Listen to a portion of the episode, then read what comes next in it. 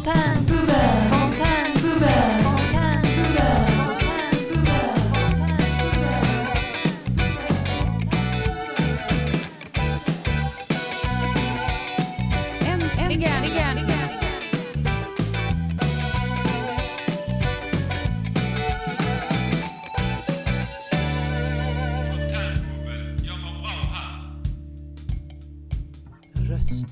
Röster.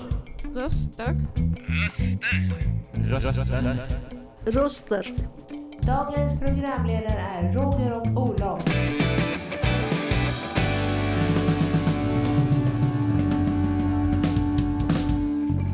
Dina röster i vardagen.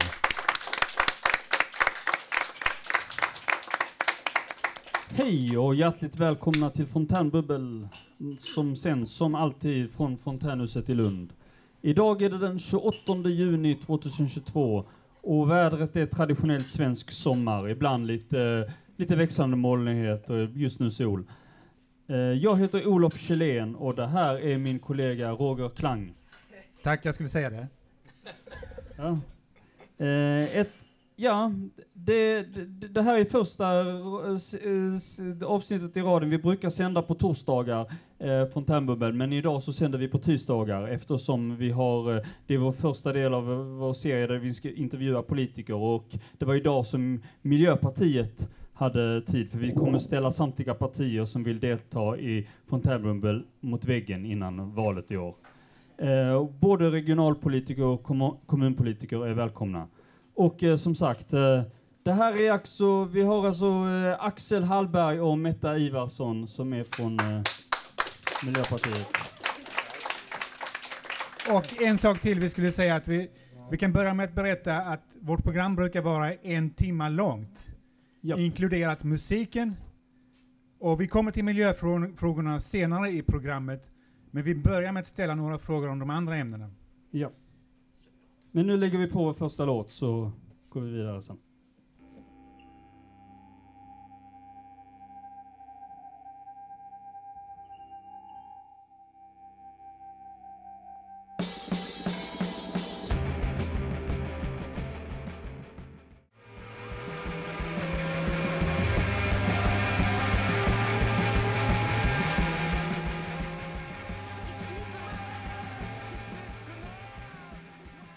lyssnar på Fontänbubbel och det här vi precis hörde var You will never work in television again med The Smile. Ja, eh, som sagt, vi har eh, våra gäster eh, idag i programmet från Miljöpartiet eh, som är här och presenterar. Så jag tänkte att eh, de, ska besvara, de ska besvara våra frågor lite grann. Ehm, så jag tänkte det kan ju vara på, på plats och köra en liten kort presentation av Miljöpartiets roll här i Lund. Ehm, Miljöpartiet eh, eh, kommunalt i Lund är dubbelt så stort som det är på riksplanet och på regionalplanet. Eh, partiet har knappt 10% av väljarandelen i Lund, på samma nivå som deras ideologiska fiender SD. Eh, och eh, vi vet att Miljöpartiet kom in i kommunfullmäktige i Lund efter valet 1988 med åtta mandat och eh, styrde då tillsammans med eh, Socialdemokraterna och Vänsterpartiet. 1991 fanns de inte representerade i kommunfullmäktige, men de återvände 1994 med samma styrelsekonstellation. Eh, det har varit lite till och från, de hade ett litet samarbete där Fi kom in eh, i kommunfullmäktige 2014. Eh, sen, sen sprack det regeringssamarbetet på grund av budgetbekymmer. Ehm, men ja, det var intressant det att deras resa i kommunen det sammanföll lite grann med riksdagen, att de kom in i riksdagen 88 och eh, sedan eh, åkte ur 91 och sedan kom tillbaka. Ehm, ja, Ska jag ta, börja med en frågeställning? hur så? Eller? Ja. Ja, alltså, är det något ljud här? Okej. Jag, eh, jag, jag applåderar Miljöpartiets ambitioner för att motverka psykisk ohälsa. Men jag kan inte hitta några programpunkter med konkreta förslag från Miljöpartiet. Kan de av er, eller den, det, det blir du Meta va? Som är regionpolitiker, ge oss några exempel på konstruktiva miljöpartistiska förslag rörande psykisk ohälsa just specifikt. Det kan ni absolut och tack för att jag fick komma hit. För jag börjar med att säga att vi har varit på en väldigt intressant rundvandring här idag, jag och Axel. Det har varit jättespännande att få se hela er verksamhet. Men mer rakt på sak. Men vi driver psykisk ohälsa som en väldigt stor fråga regionalt så att vi har väldigt många förslag. Så jag ska försöka sammanfatta lite grann. Dels så tror jag att det är, om man ser brett, både regionalt och liksom hela samhället, så är detta en fråga som är mycket större än, än regionpolitik, om man säger så. Eh, och där vi måste någonstans prata om vad är psykisk ohälsa och det finns ett stigma kring det. Och någonstans känner jag att där har vi också som regionpolitiker en roll i att ja, men prata om psykisk ohälsa, att uppvärdera det. Vi ser att somatiken, eller den kroppsliga vården, är väldigt mycket mer prioriterad i sjukvård. Både psykiatri och även i viss del kvinnosjukvård ser vi är nerprioriterat. Det har inte samma status, det har inte samma utveckling och så vidare. Och det, det tycker vi är oerhört viktigt. Och det är såklart både resurser men också någonstans politiskt vad man prioriterar. Det är inte bara pengar utan, utan det är Jo, mer. eh, Det är ju en, en sak som jag tänker på, att man kommer ju inte och tar ut 100 miljoner på banken och börjar skyffla in dem på bara vägen med en, med, med en skyffel. Nej. Utan det måste kanaliseras och, och organiseras. Och hur har ni tänkt i den här? Ja, men det måste till ett utvecklingsarbete såklart. Sen tror vi mycket på idéburen sektor. Det tycker vi är väldigt, väldigt viktigt. Och det jobbar vi med både när det gäller psykisk ohälsa men också andra, andra samhällsfrågor där vi ser att det finns aktörer som är bättre än det offentliga och att vi framförallt tillsammans kan lösa väldigt mycket utmaningar. Så att ge de långsiktiga eh, villkor är väldigt viktigt. Sen tänker Så- vi så- lågtröskel någonstans att man ska komma in tidigare. Ofta i psykisk ohälsa det kan det ta ganska lång tid innan du får hjälp. Och kan man få tidigare insatser, till exempel något som väldigt konkret som vi har jobbat mycket för, det är att om man säger första linjen psykiatri, alltså där man allra först möter någon när man börjar må lite dåligt, då ska man gå till sin vårdcentral om man är vuxen. Och ändå är det så att det finns, för att starta en vårdcentral, det är ju en, en fri marknad, ett vårdval, så det kan, kan vem som helst göra, men man måste ha en allmänläkare, Vem- man måste ha en sjuksköterska, men man ursäkta, måste, ursäkta. säger, man måste inte ha en psykolog. Fast man har ansvaret för psykiatri finns det inga krav på att man ska ha någon psykolog anställd. Det är en sak vi har drivit väldigt hårt, att alla vårdcentraler ska ha psykologer anställda, att det ska vara lägre tröskel, lättare att komma in. Okej, men eh, så det, det är ju säkert en bra, bra att driva det. Men vet ni vem som drev det här med psykiatriambulansen? Var det ni? Eh, Det har drivits av många partier, men vi är en av de som står bakom det, absolut. Okej, så ni, ni Vi har... tycker det är jättebra det ska Ja, det var ju ett utökas. bra förslag. ju. Absolut. Det, det, tyckte, det tyckte jag i alla fall. Ja. Det håller vi med Så- om. Det tror jag finns total enighet. Jag tror inte det är något parti som är emot den, utan det finns en enighet runt att även bygga ut det, att det ska finnas fler. Ja, det låter bra. Men eh, vi har fler frågor. Vi har många Ja, frågor Eh, jag, jag tänkte en, en sak, jag har flera, några flera punkter här. Eh, för ni står här på eh, ert eh, kommunprogram, det är massa för, förslag på förbättringar. Ni har eh, att hö, höja habiliteringsersättningen för daglig verksamhet inom LSS och eh, friskvårdskort för pensionärer och eh, eh, ökad personaltäthet för, för personer med psykisk ohälsa och även, även inom äldreomsorgen namngiven omsorgskontakt då inom äldreomsorg och hemtjänst. Men en sak som jag inte hittar är hur ser ni på det här med den, den nya omorganisationen av boendestöd? Där det är väldigt mycket, där, där är det lite grann samma problem som att det inte är namngiven, att de inte har samma kontakt som inom äldreomsorg och hemtjänst, att det är, ny, det är nya de måste, brukarna måste träffa nya personal varje gång, de kan inte anknyta till en person. Det, det, eh, hur, hur ser ni på det? Jag kan inte hitta någonting om hur ni har ställt er till det. Det är väl främst Axel som ska svara på det. Det, det gör jag jättegärna. Jag ska säga, jag har inte i, i full detalj koll på den, på den organisationen och, och hur det ser ut och, och hur det har funkat. Men jag tror i, i grund och botten att, att det är en väldigt viktig fråga att driva både, både på det området och inom äldreomsorgen till exempel. Jag tror att det, det är väldigt viktigt. Ja, jo, men eh, det är bra. För jag tänker det, det är många som, eh, som säkert är lite, eftersom det är en del som har kommit i kläm eh, på grund av det, att de, de tycker inte att eh, de får den kontakten eh, de behöver.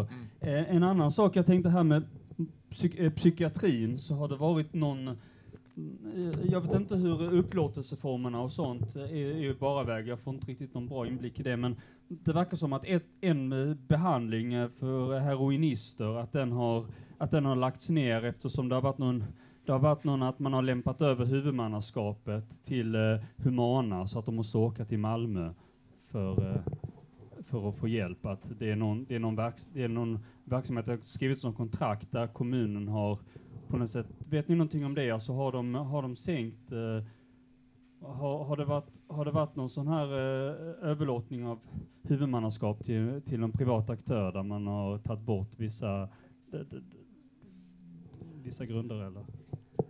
Jag kan tyvärr inte svara i detalj på det, men det får vi väl kolla upp i så Okej, fall. ja. ja, för det var, någon, det var någon behandling inom, Ja. eh, inom Baravägen som, eh, som var eh, så att säga som hade tagits bort och flyttat, eh, flyttat till Malmö eftersom... Okej, men de kan inte svara på det just nu, så vi får gå vidare. Ja. Eh, ja, eh, ni, ni har ju massa här. Jag tänker, eh, ni har eh, att det ska finnas äldreomsorg med olika inriktningar och alla ska kunna lita på kvaliteten och tryggheten i omsorgen oavsett vem som utför den. Eh, önskemål om vårdpersonalens eh, språkkunskaper ska tillgodoses, eh, skriver ni. Eh, och, och även att det ska vara språkträning för personal som jobbar inom välfärdssektorn. Hur, är det, hur ställer ni, eh, ni har väl samtidigt varit emot, för jag har förstått det, språkkrav, att det ska ställas krav på språkkunskaper inom... Ja, men här, ja, här, här i Lund vad, vad är det ni, eh, hur, eh, vad är det ni är emot när det gäller just det då? Ja, men här i Lund så är det två saker som är eh, väldigt viktiga. Dels att de som arbetar i äldreomsorgen har goda kunskaper i, i svenska och det är ett stort problem i, i många kommuner och det är ett stort problem också i Lund.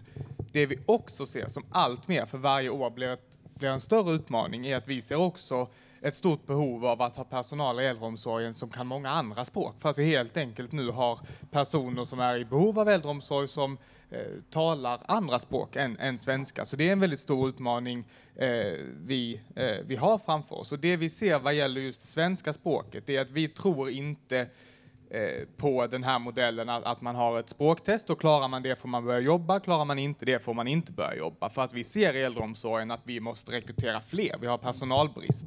Och då tror vi att eh, vi kan hitta en smart modell där man får börja jobba och samtidigt som man får sin introduktionsutbildning, samtidigt som man börjar jobba, så får man också lära sig det svenska språket så att man lär sig det på jobbet så att vi kan rekrytera många, men att vi också ser till att de som börjar jobba har goda kunskaper i svenska. När ni säger att ni tror ni kan hitta en modell, vad menar ni då? Alltså, har ni inga planer? Eller? Jo, vi har planer på att vi vill införa en, en, en sån modell och där tror vi att man i, i den introduktionen som, som finns idag, att man skulle lä kunna lägga in språket. Att, att helt enkelt öva på svenska, lära sig det på jobbet, gå en utbildning parallellt. Att Lunds kommun som arbetsgivare helt enkelt tar ansvar för det. Att de som jobbar i Lunds äldreomsorg, de ska ha goda kunskaper i svenska. Okej, ska vi eh, gå vidare? Ja, det kan vi göra. Vi tänker vi tar en eh, låt nu så. Who were the very first jitterbugs in the world? Why, I think I could answer that. They were the bugs themselves.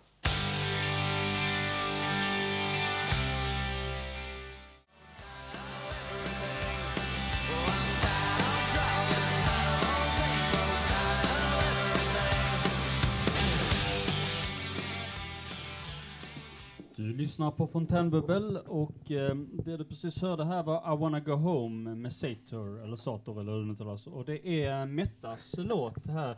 Eh, du hade valt den. Vad betyder den för dig, den här låten? Jag vet inte låten, men bandet betydde mycket för mig när jag var ung. Det var en av mina stora favoritband. Och det var nog svåraste frågan idag, att vi fick 30 sekunder på oss att välja en låt här innan. Eh, och då, då valde jag band i alla fall. Eh, och det är ett band som ändå, ja men nu för tiden när man är förälder så får man ju aldrig bestämma musiken själv. Jag har döttrar mellan 9 och 16 och det är de som sätter musiksmaken hemma. Jag tänkte säga att du är fortfarande ung, men eh, jämfört med vissa andra. Men eh, Ja, jag tänker på mig själv då. Ja, för, till er oss allihopa här, som, eh, inte alla men en del. I alla fall, jag har en strategisk fråga. Och nu får ni hänga med lite grann, och, för att det, det, den tar en stund att ställa, Okej. eftersom ni måste tänka efter lite grann nu. Eh, ni har ett citat i, i ert parti, partiprogram, att nu måste vi ta sikte på målet om minskade utsläpp med 70 procent till 2030 och att ha nollutsläpp senast 2050. Slutcitat.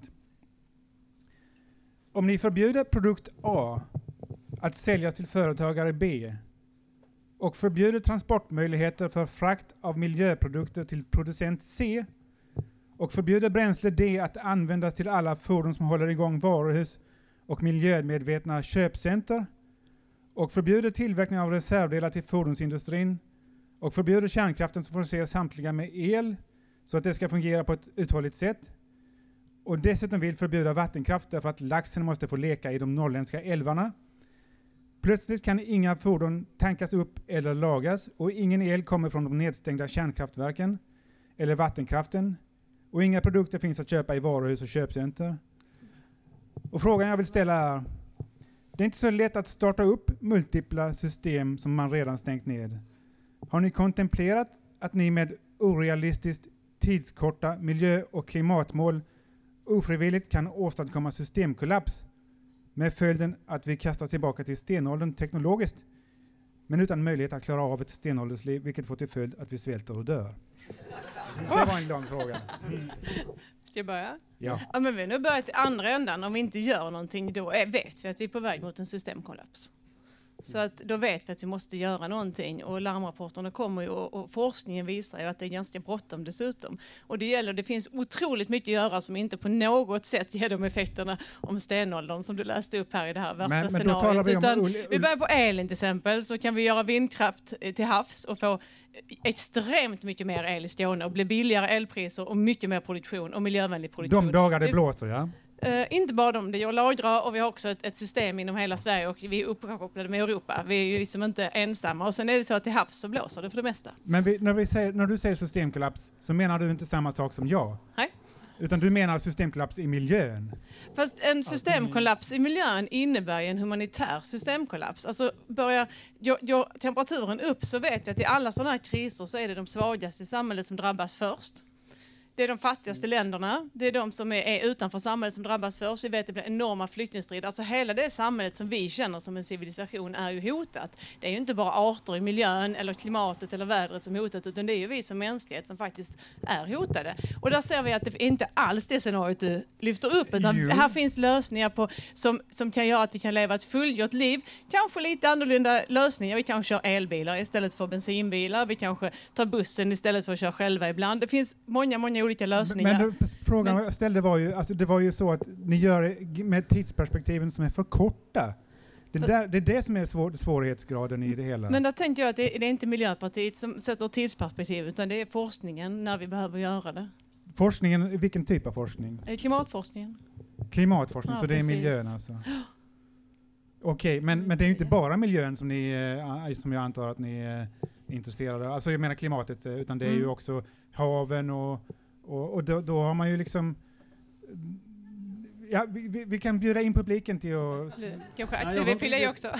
Nej, jag, inte, jag, jag, har, jag tycker det är lite intressant, eh, en del eh, sådana frågor med, ni är emot att ni vill avveckla kärnkraften eh, på sikt och att ni är emot eh, också då, och då naturligtvis är ni emot nya reaktorer. Och ett av argumenten som används är att det är väldigt dyrt att satsa på kärnkraft. Ehm, men eh, hur är det, är det inte så att eh, en del av de andra krä- eh, har en hel del subventioner som kanske inte kärnkraften har, en, en, en del av eh, vindkraft och sånt? Jo, jag skulle säga att det, vi har vissa subventioner för till exempel vindkraft. Vi har historiskt haft det för, för, för kärnkraft också. Det beror ju på hur man utformar eh, skatteregler och, och liknande. Jag skulle säga att det stora problemet med eh, ny, nya kärnkraftverk, det är att Tittar man på de länder som har, har byggt nya reaktorer nyligen, till exempel Finland, till exempel Frankrike, så tar det uppemot 15-20 år, ibland ännu längre tid. Och, och, och det är tid som, som vi inte har. Vi ser att ska vi nå upp till det vi har sagt i, i det globala eh, klimatavtalet från, från Paris så måste Sverige nå nollutsläpp ungefär 2035 och där, vi, där är vi om 13 år. Och på den tiden hinner vi inte bygga en enda ny reaktor. Och då måste vi fundera på just med tanke på tidsperspektiv, då måste vi fungera, fundera på vilka lösningar fungerar riktigt snabbt. Och då går det faktiskt mycket snabbare att eh, smälla upp massa ny vindkraft ute till havs än att bygga nya reaktorer. För det tar för lång tid. Vill säga något? Ja, och, och också när vi säger elpriset, där vi har en marknad som då är fyrdelad i Sverige, där det faktiskt är extremt dyrt med el i södra Sverige. Och det är jätteproblematiskt, för det slår också mot de svagare. Och det slår mot industrier, mot tillverkning och allt vad det kan vara. Där är ju vindkraften lösningen, för det kan vi få upp väldigt, väldigt snabbt. Det, tekniken finns, det är bara till att sätta igång och börja bygga. Att, gö- att ersätta detta med kärnkraft skulle ta väldigt många år, så att vi det hjälper liksom inte. Och man pratar mycket om de här små kvarterskärnkraften, att vi ska ha det lite här och där. Men det är ju en enorm tillståndsprocess om vi skulle kunna få till sådana. Dessutom är de inte färdigbeforskade, så de finns inte än, utan det är någon sorts vision i framtiden. Så att förlita sig på att vi ska få ner elpriserna och få mer el till våra elbilar och annat genom att bygga små kärnkraftverk, det, det är ganska naivt. Okej, eh, vi, vi har fler, vi har publiken som önskar att ställa lite frågor här. Eh, nu har vi, eh, vill du presentera dig eller? Hej, jag heter Ingrid och jag är medlem här i Fontänhuset. Jag har läst partiprogrammet och där står att det ska finnas en nationell långsiktig folkhälsosatsning med fokus på människors villkor. Och vilken långsiktig satsning på folkhälsan av Miljöpartiet i Lund och, i Lund och Skåne? Det var frågan. Jag kan prata för Skåne så att säga. Eh, vi driver folkhälsofråga och förebyggande arbete överhuvudtaget är väldigt viktigt för Miljöpartiet, både när det gäller människor folkhälsa men också klimatet. Vi tror att det är bättre med tidiga insatser. Och, och en del är ju idéburen sektor skulle jag säga att vi har ett samarbete. Ett, en väldigt konkret exempel inom vården är att vi har ett samarbete med eh, något som heter Senior Sports School där vi får äldre, alltså pensionärer, får testa under 10 veckor 20 olika sporter. Man träffas två gånger i veckan och väldigt konkret, man kommer in i ett sammanhang precis som ni har här i Fontänhuset, att man bryter social eh, ensamhet, man får en samvaro, man får röra på sig, testa nya saker. Vä väldigt, väldigt konkret men förebyggande. Sen i folkhälsa är ju jättebrett, vi har hälsosamtal i åldrar, det finns jättemycket olika saker man kan göra, inte minst i samverkan med idéburen sektor. Så att det, vi tycker det är väldigt, väldigt viktigt. Vi har också lagt väldigt, väldigt mycket mer pengar i våra budgetar när det gäller just förebyggande. Det blir ofta så att förebyggande alltid får stå tillbaka. Alla pratar om det. När man sen ska göra budget så bara släcker man bränder. Man hoppar över och jobbar förebyggande. Och ofta är det ju extremt kostnadseffektivt att faktiskt jobba förebyggande. Att man aldrig ska bli riktigt sjuk. Vi vet att väldigt många av de sjukdomar vi har kan vi faktiskt förebygga. Mycket cancer, mycket hjärt-kärlsjukdomar, diabetes. En stor del av dem kan vi faktiskt förebygga med bättre, att vi lever på ett annat sätt. Och då ska vi försöka det. Ja, eh, vi kör en låt nu så återkommer vi.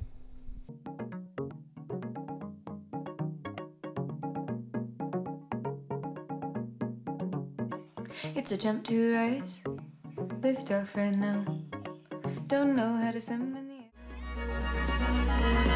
It's your reality.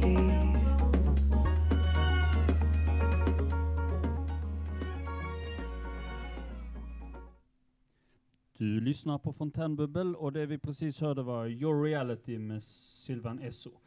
Ehm, vi står som sagt, det är tisdagen den 28 juni som sagt och eh, vi står här med representanterna från Miljöpartiet, Axel Hallberg och Metta Ivarsson. Ehm, och vi har en ny, eh, ny eh, pub- publikfråga här från, vill du presentera dig och komma med frågan? Ja, Jan Ekbom heter jag. Eh, hej. Eh, jo, jag har en fråga här. Eller det är egentligen tre frågor inbakade i en kan man säga. Eh, jag läser ert parti- partiprogram och undrar varför digitaliseringen inte är en egen pro- programpunkt när den är så genomgripande i vårt samhälle för privatpersoner men framförallt i arbetsliv och skola. Eh, och då undrar jag vidare, är det så att det bara är de som avslutar sin politiska karriär, som till exempel Fredrik Reinfeldt här, som åker runt och föreläser, som vågar problematisera digitaliseringens effekter på människor?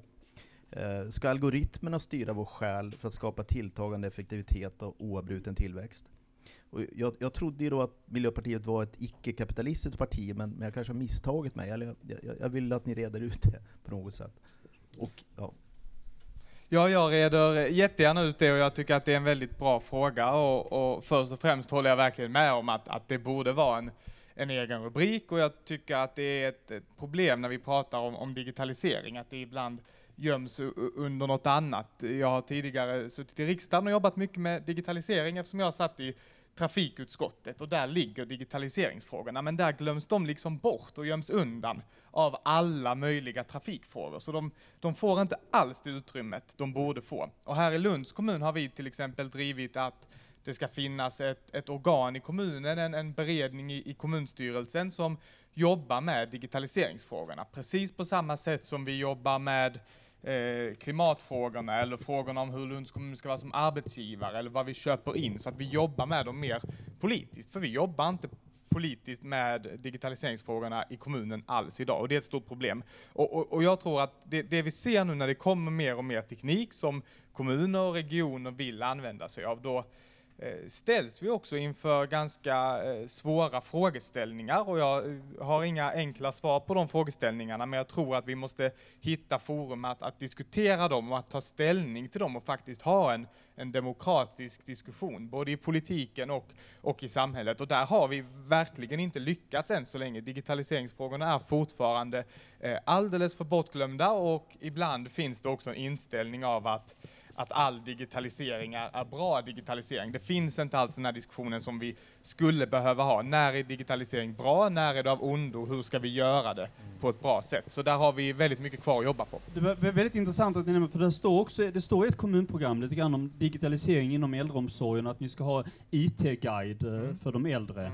Ehm, hur, hur, är det, hur, hur är det tänkt att det ska fungera så att säga? Det kan ju fungera på, på flera olika sätt. Det är ju ytterligare en väldigt stor utmaning vi har i, i hela samhället, att i takt med att samhället har digitaliserats eh, ganska fort så har vi också fått ett väldigt stort digitalt utanförskap, inte minst bland äldre men även bland an- andra grupper. Och, och där tror vi att man skulle kunna göra väldigt mycket insatser till exempel inom äldreomsorgen. Eh, biblioteken i Lund kan bli eh, mycket bättre på att erbjuda eh, stöd och hjälp till äldre som behöver hjälp med, med IT till exempel. Man kan också skapa forum i kommunen där eh, äldre personer kan träffa unga personer, där de unga kan hjälpa de äldre med IT. Så att skapa fler, fler forum och fler mötesplatser där de som behöver det, det är ofta äldre men det måste inte vara äldre, eh, där de som behöver det kan, kan få hjälp med, med IT. För i, i, idag så behöver de allra, allra flesta behöver använda Mm. eh, IT för att få vardagen att funka.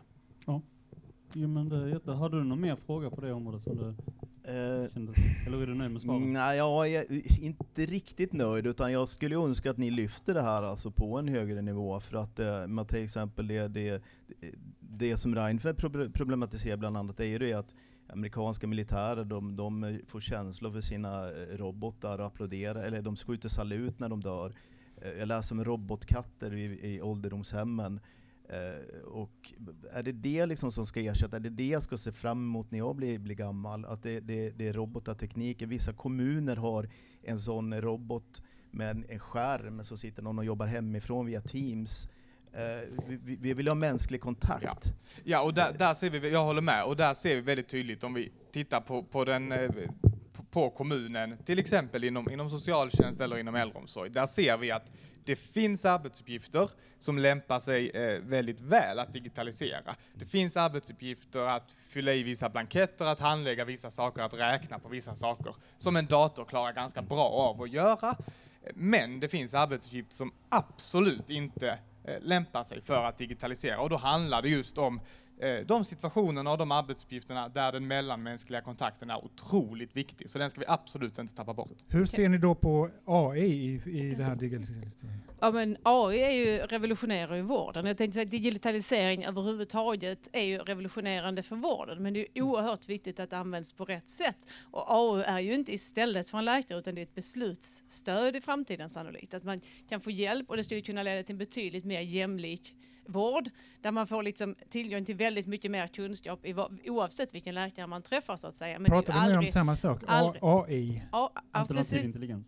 Artificiell intelligens, ja. precis. Och det använder man ju som så att säga, beslutsstöd. Men sen tänkte jag att överhuvudtaget det här som du nämnde också lite med utanförskap. Alltså det är väldigt viktigt att det finns olika ingångar för alla vi människor är inte lika. För vissa så har man upplevt nu med pandemin att även vården har blivit mer digital. Vissa passar det jättebra. Det finns de som faktiskt tycker det är bättre som har svårt att ta sig ut. Att det blir lite lägre tröst till att man kan börja hemma. För andra är det en katastrof och de ska ju aldrig behöva tvingas till det. Och det ska aldrig bli en besparing att vi använder digitalisering istället för mänsklig kontakt för att det är billigare eller effektivare på något sätt. Utan det ska ju vara om det passar och att det ger en bättre vård. Men i många fall ger det det. Man ser också att när det gäller psykisk ohälsa bland unga, unga de, de yngsta i samhället är ofta väldigt digitaliserade. Inte alla där heller, men många. Och där finns ganska mycket till exempel KBT-utbildningar, alltså eh, när du har lite psykisk ohälsa att du kan få hjälp online i grupputbildningar eller i helt digitala utbildningar och det passar en del. Och då är det ju oerhört effektivt. Eh, det kommer upp en person här som vill kanske, vi kanske, vi, frågar vad, vem eh, är du? Jag heter Börje. Och eh, beträffande det här upphöjandet av AI. artificiell intelligens. Hur står det i förhållande till autentisk intelligens i det här sammanhanget? Är det någonting som fungerar parallellt eller är det någonting som det ena utesluter det andra? Vad syftar du på då när du säger autentisk intelligens? Autentisk, vi kan utgå ifrån att det är den mänskliga hjärnan som fungerar där. Jag kan ju, i min egentliga fråga gäller ju egentligen vad, ni är ju stora anhängare utav digitalisering inom vården och ni är kanske en slags eh, förebild för vad ni tror att andra skulle kunna vara också på det här, inom den här världen. Men eh, om vi nu tar med SDV, Skånes digitala vårdservice. Var befinner sig den idag? Ytterligare en fråga. Och STV, STV är alltså Skånes digitala vårdsystem där man byter ett hundratalet system som idag gör vården väldigt oeffektiv för de som jobbar i vården framför allt, men även för patienterna till ett nytt system. Och där fastnas det massa juridik, det håller på att införas. Det kommer sannolikt bli bra, men det är, tar några år till innan det är på plats. Så det är ju ett väldigt bred fråga att svara på var det befinner sig, men man jobbar framåt med att införa det. Men det är framförallt att det ersätter liksom en mängd. Idag kan en läkare efter ett, ett patientbesök behöva mata in uppgifter på tio olika ställen. Det ska man inte behöva göra. Till exempel att ambulanssjukvårdare ska ha tillgång till journalen i ambulans. Alltså det är massa olika sätt att vi ska kunna koppla oss samman och det är, har ju inte så mycket med AI att göra. Men jag vill svara på din första fråga. Alltså jag, det är ju människan, alltså den är mänskliga hjärnan först, självklart. Alltså, att AI ska vara ett stöd. Nu har vi inte en på det sättet, men alltså jag tänker fram till att detta är ett stöd, att du har ett helt uppslagsverk, lite mer effektivt tillgång till det. Det är inte så att det någonstans ska ersätta människorna i vården, så får det aldrig bli. Ja, men om man utgår ifrån att den här eh, tekniken är lite svårtillgänglig för vissa så kan ju hela den här processen bli utslagsgivande för vilka som håller sig ajour med en utveckling och eh, de som inte klarar av att hålla sig ajour. För att det är en utveckling som går långt över huvudet på oss alla, även på er faktiskt. Ni kan inte svara på vad det kommer att leda till. Men processen kommer att leda, det finns utslagningsprocesser om man inte hänger med tiden. Så att men det är ett problem, alltså digitalt utanförskap vad, vad det gäller banktjänster eller vad, vad som sjukvård, det är ett absolut problem som måste tas på allvar. Sen tänker jag att mycket av digitalisering i vården kanske inte ens patienten märker av, utan det kanske är bakom. Men okej, nu- jag, får ingen, jag vill gärna spinna vidare på det här med eh, SDV, därför att det här är en process som har hållits på i fem sex år. Och den har kostat eh, ja, vår region är uppe i miljoner nu och den kommer att kosta ytterligare många miljoner innan den slår igenom. Och eh, då kan man ju fråga sig, de här pengarna och till ett system som ni köper in från USA som egentligen inte är godkänt. Det fungerar inte egentligen i, för, i förhållande till vår, våran lagstiftning och den fungerar inte utanför vår region. Mångmiljonbelopp mångmiljonbelopp som försvinner och ni står där och ni vet inte om det kommer att fungera. Finns det någon möjlighet att gå tillbaks? Jag vet, jag själv jobbar inom det här, så då var det uppe i 148 stycken olika system som skulle in i det här Melior som det heter. Så jag vet att eh, det finns en, en absolut nödvändighet att lösa problemet. Men ni har hamnat utanför landets gränser för att lösa det här. Och ni vet inte juridiskt om det är genomförbart. Men vi kommer fortsätta att betala. Mm. Eh, STV behövs, vi behöver ett nytt digitalt system. Att fortsätta eller gå tillbaka är inte möjligt, det är djupt patientosäkert. Så kan vi nog sammanfatta det. Så det behövs ett nytt system. Sen är det svårt, sjukvårdssystem är extremt stora och både Sverige och Skåne är ganska små aktörer. Sen ser sjukvårdssystem så väldigt olika ut i olika länder, men där sker ju en anpassning av den produkten man då har köpt, så den kommer byggas för det, för det svenska sjukvårdssystemet. Eh, så jag, jo, men jag är ganska säker på att det kommer faktiskt fungera.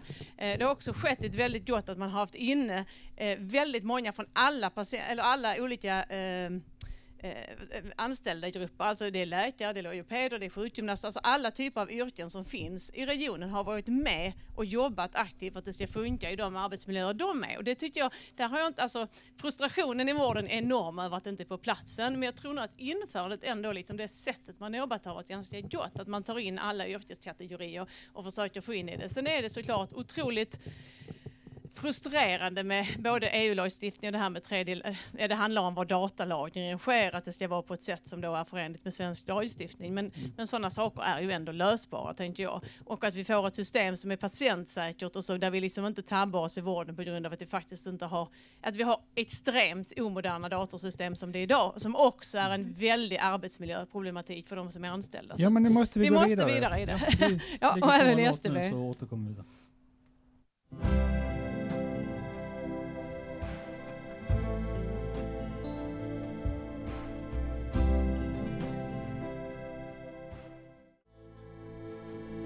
I got both my feet landed square on the ground. Got my right hand high with the thumb down. Du lyssnar på Fontänbubbel och det här var, det vi precis hörde var Kay West, Philosopher Pirate med Bob Dylan, en helt ny låt av Bob Dylan uppenbarligen. Och det är du Axel som har valt den. Har Ja, det den- stämmer.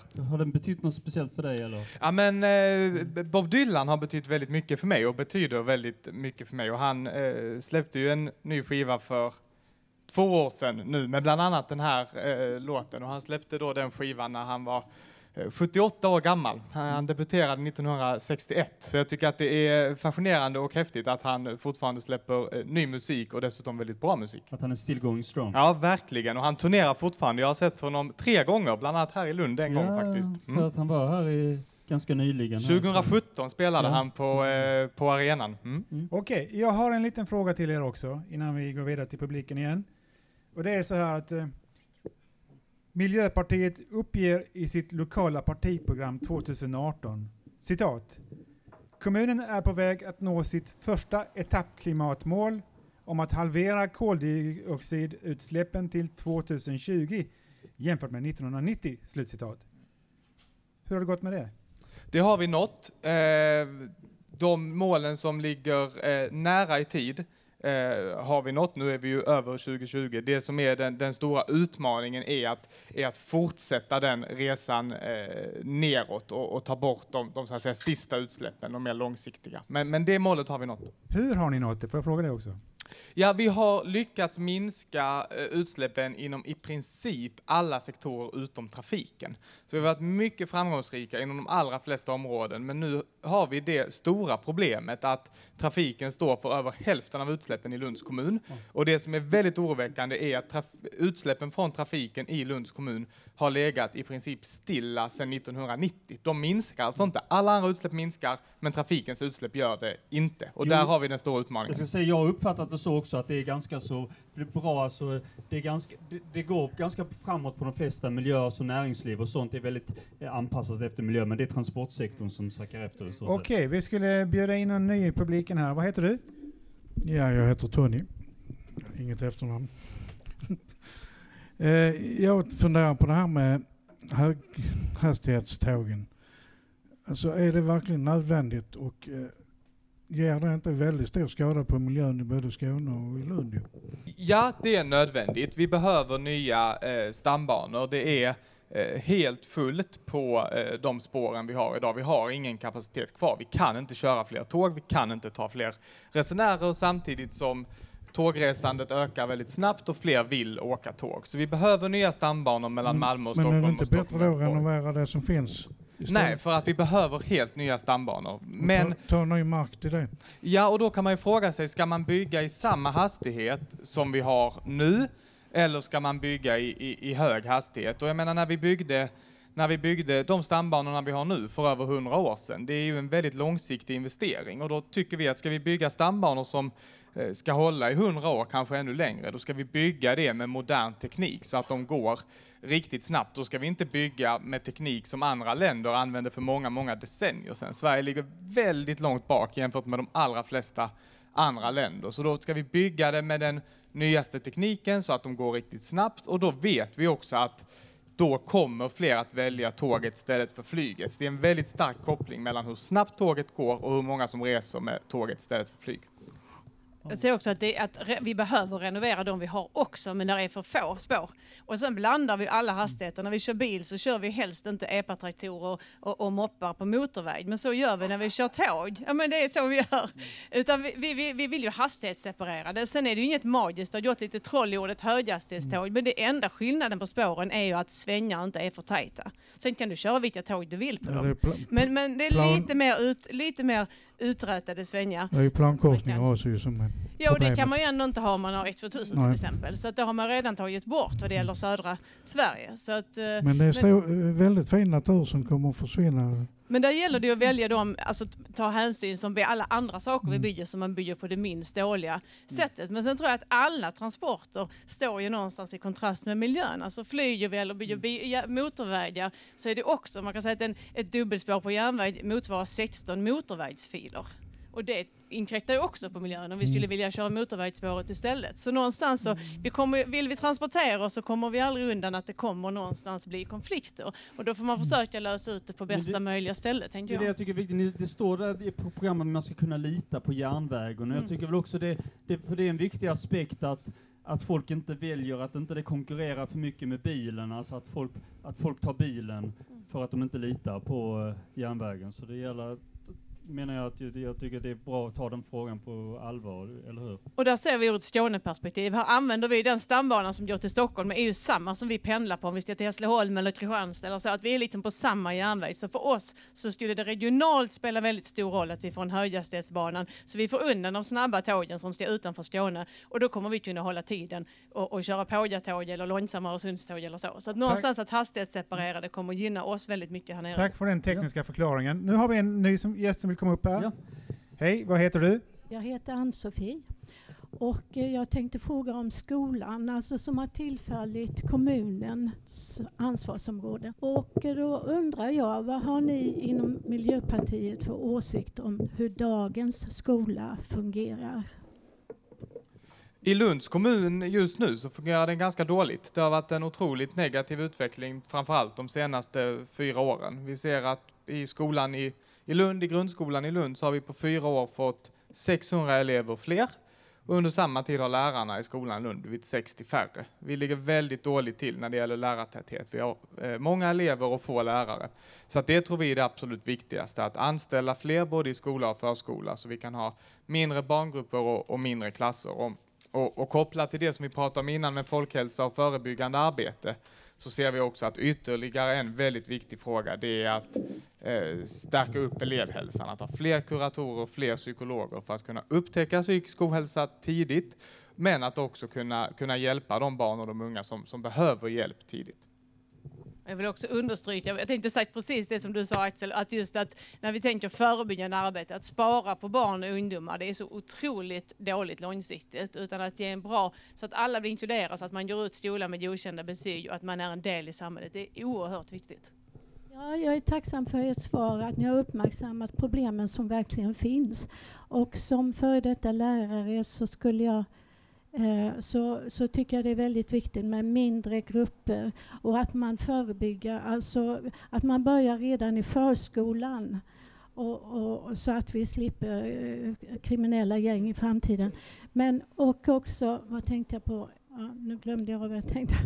um, Jo, alltså det här att eh, förebygga istället för och, och sen, jo, därför att det blir mycket dyrare ju längre man väntar med att ta itu med problem och, eller förebygga problem, så desto dyrare blir det för samhället. Ja. Ja, men då, då Jag har en liten följdfråga på det också. För, för jag, jag tycker det, hur, hur ser ni på det här med eh, de, de här kraven som ställs? Nu har man ju så här så att säga pedagogisk mångfald som ni har i ert program.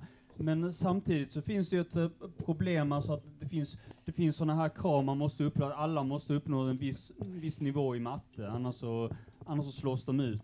Liksom, hur, hur ser ni på det? Att det, finns, det är så stark, stark ändå betoning att det, det finns vissa mål, kunskapsmål som är så fasta så att säga. Mm. Ja, men jag, jag tror att det betygssystem vi, vi har skapat är alldeles för, för fyrkantigt och att det just gör att vissa elever slås ut väldigt tidigt och inte ges en, en andra chans. Och, och den diskussionen som, som finns nu om att Eh, reformera eh, betyget underkänt till exempel, eller F, eh, och hitta nya, nya modeller för det tror jag är väldigt bra, för vi har ett system där det kan eh, gå på några enstaka poäng på, på ett prov och man får underkänt i matte till exempel och då får man inte börja gymnasiet och då är man 15-16 år gammal och har redan där hamnat utanför samhället och, och, och så kan vi inte ha det utan vi måste ha en skola som stöttar upp och där man får en andra, tredje och, och fjärde chans om, om man inte lyckas. Ja, och lite som, som den tidigare frågeställaren här sa när du nämnde lite kriminella gäng. Alltså jag tror det är väldigt, väldigt få som väljer att bli kriminella om man ser att man har en chans till ett annat liv. Och det är ju ett otroligt misslyckande för samhället att så unga personer ser att ja, det finns andra liv, men det gäller inte mig. Jag har inte de möjligheterna. Och, och den skolmiljön kan vi inte ha. Jag tycker det finns så många, jag har ju själv haft väldigt, väldigt hjälp av den här eh, personlig, personlig assistens och sånt som har, och då, då har det ibland varit arbetskraft från andra länder som har, som har varit eh, specialiserade, eh, som har på något sätt kommit in och integrerats på grund av det och fått jobb på oss. Vi har en eh, ny gäst här, vad heter du? Jo, hej, det här är Mikael Hansson och jag, jag ska säga att det känns lite hopplöst att ställa den här frågan, men det är ju en väldig diskussion det här med, med eh, vetenskap och miljön. Alltså hur många forskare har ni i Miljöpartiet? För det är ju en fråga om förtroende. Ja, hur många? Jag, jag, kan, jag kan inte säga, det är svårt, svårt att säga antal, men, men, men, jag, men jag skulle tro att det är ganska många. Vi har någon eh, här i Lund som, som jobbar för oss här lo, lokalt som är eh, professor i, i kemi. Per Bolund som är vårt språkrör har ju eh, forskat inom biologi, så jag skulle säga att, vi, att det nog är ganska många. Men jag tycker också det är viktigt att säga att, man, att det är viktigt att ta till sig kunskapen från, från forskningen, men man måste inte vara forskare eller, eller högutbildad för att, för att vara politiker, utan det är också viktigt att vi i politiken, att alla är representerade och att människor med olika bakgrund faktiskt är med och, och, och fattar besluten. Ja, men eh, jag tänker ju det att det är många forskare som vill ha pengar för att forska emot den här klimathotet. De tror inte på det alltså, det är väl tillägga alltså. Och jag har en sak till att tillägga också. Och är, är det inte så att man måste höja statusen på läraryrket? Alltså speciellt för högstadielärare. Det är väl de som har de största problemen kan jag tänka mig. Där, där saknas mest folk. Och eh, det, det, är det inte rimligt att man höjer lönen för lärarna på det, för, för att höja statusen eller på något sätt Jo, jag tror det. Jag tror att det är jätteviktigt att, att höja statusen. Eh, det måste vi göra så att fler vill bli lärare.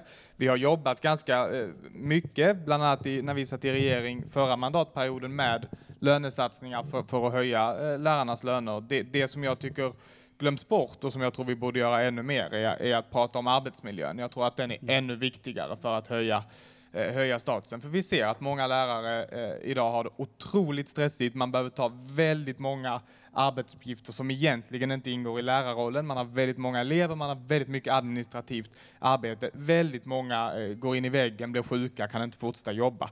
Det tror jag är det, det riktigt stora problemet vi, vi måste lösa om vi ska kunna locka fler till yrket. Och då behöver vi fler anställda i skolan, både fler lärare men också annan personal i skolan. Okej, tack så mycket. Vi har en frågeställare till här. Vad heter du igen? Jag heter Ingrid och, och jag har också en folkhälsofråga till här. I tejpprogrammet står det att ni, ni, som jag citerar, vill därför se ett nationellt folkhälso, folkhälsoprogram.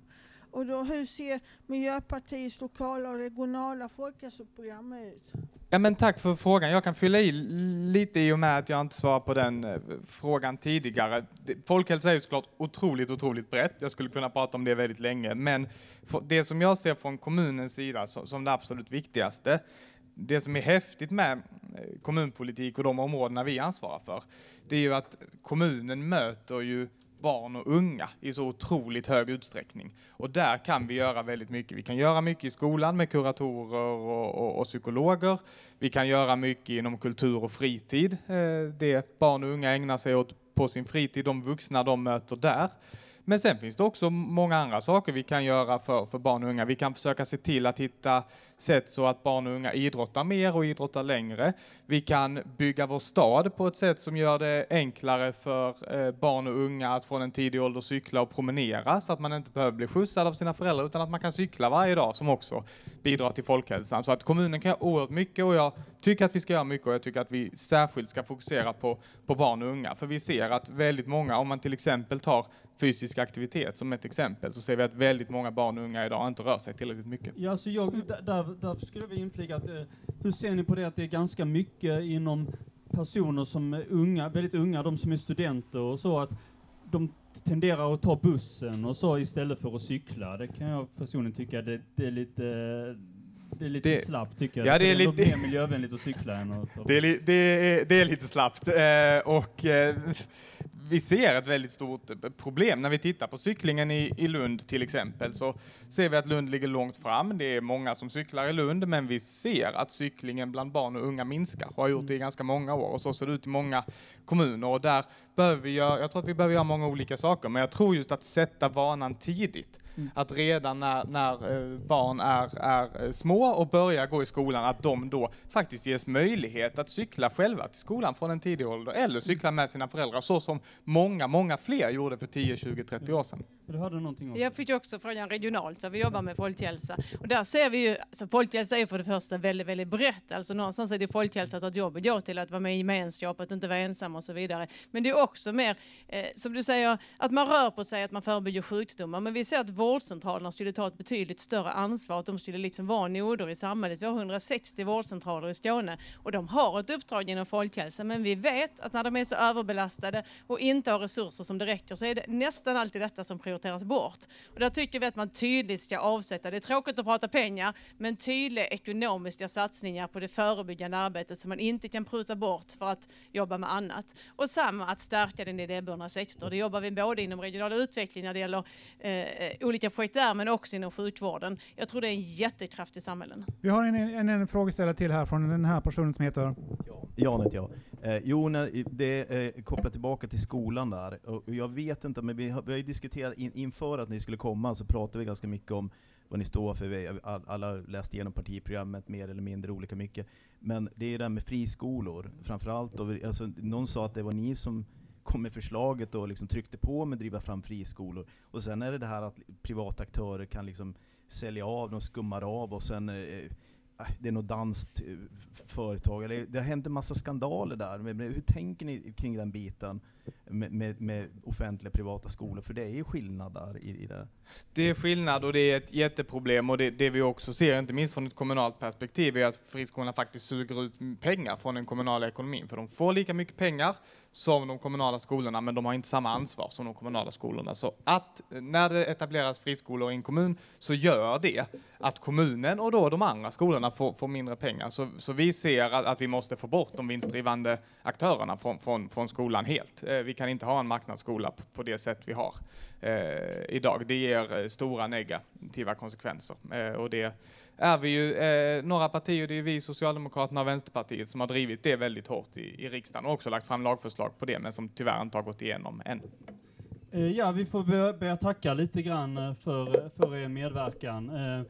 Även om jag vill ha lite fråga hur det, hur det kommer sig att ni, ni ligger ganska bra till här i Lund. Ni har 9-10 mandat, men ni har, har mycket svårare på riksplanet. Hur, hur tror ni att det är? Miljö, och ändå så är folk ändå mycket mer engagerade i miljöfrågor. Det har varit Greta Thunberg och allt som möjligt. Men vad tror ni är det som gör att ni ändå ligger så dåligt till i riksdagen, även om ni ligger bra, relativt bra till här?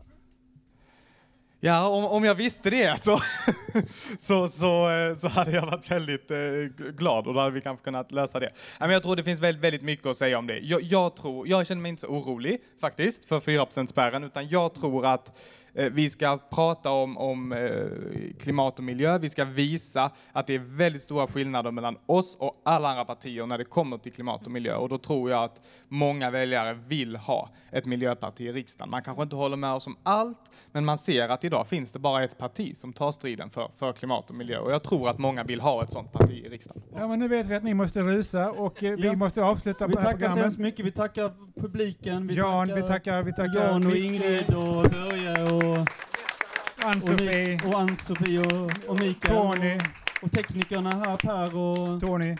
Tony och Rickard. Och, ja, och Ja, och framförallt så tackar och- vi Metta och och Axel Axel för, att, eh, ja. för att ni tagit vår tid, eller för att vi har tagit er tid.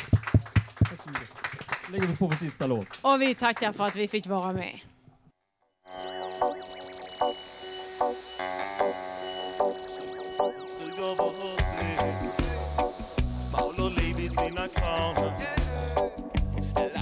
Mal och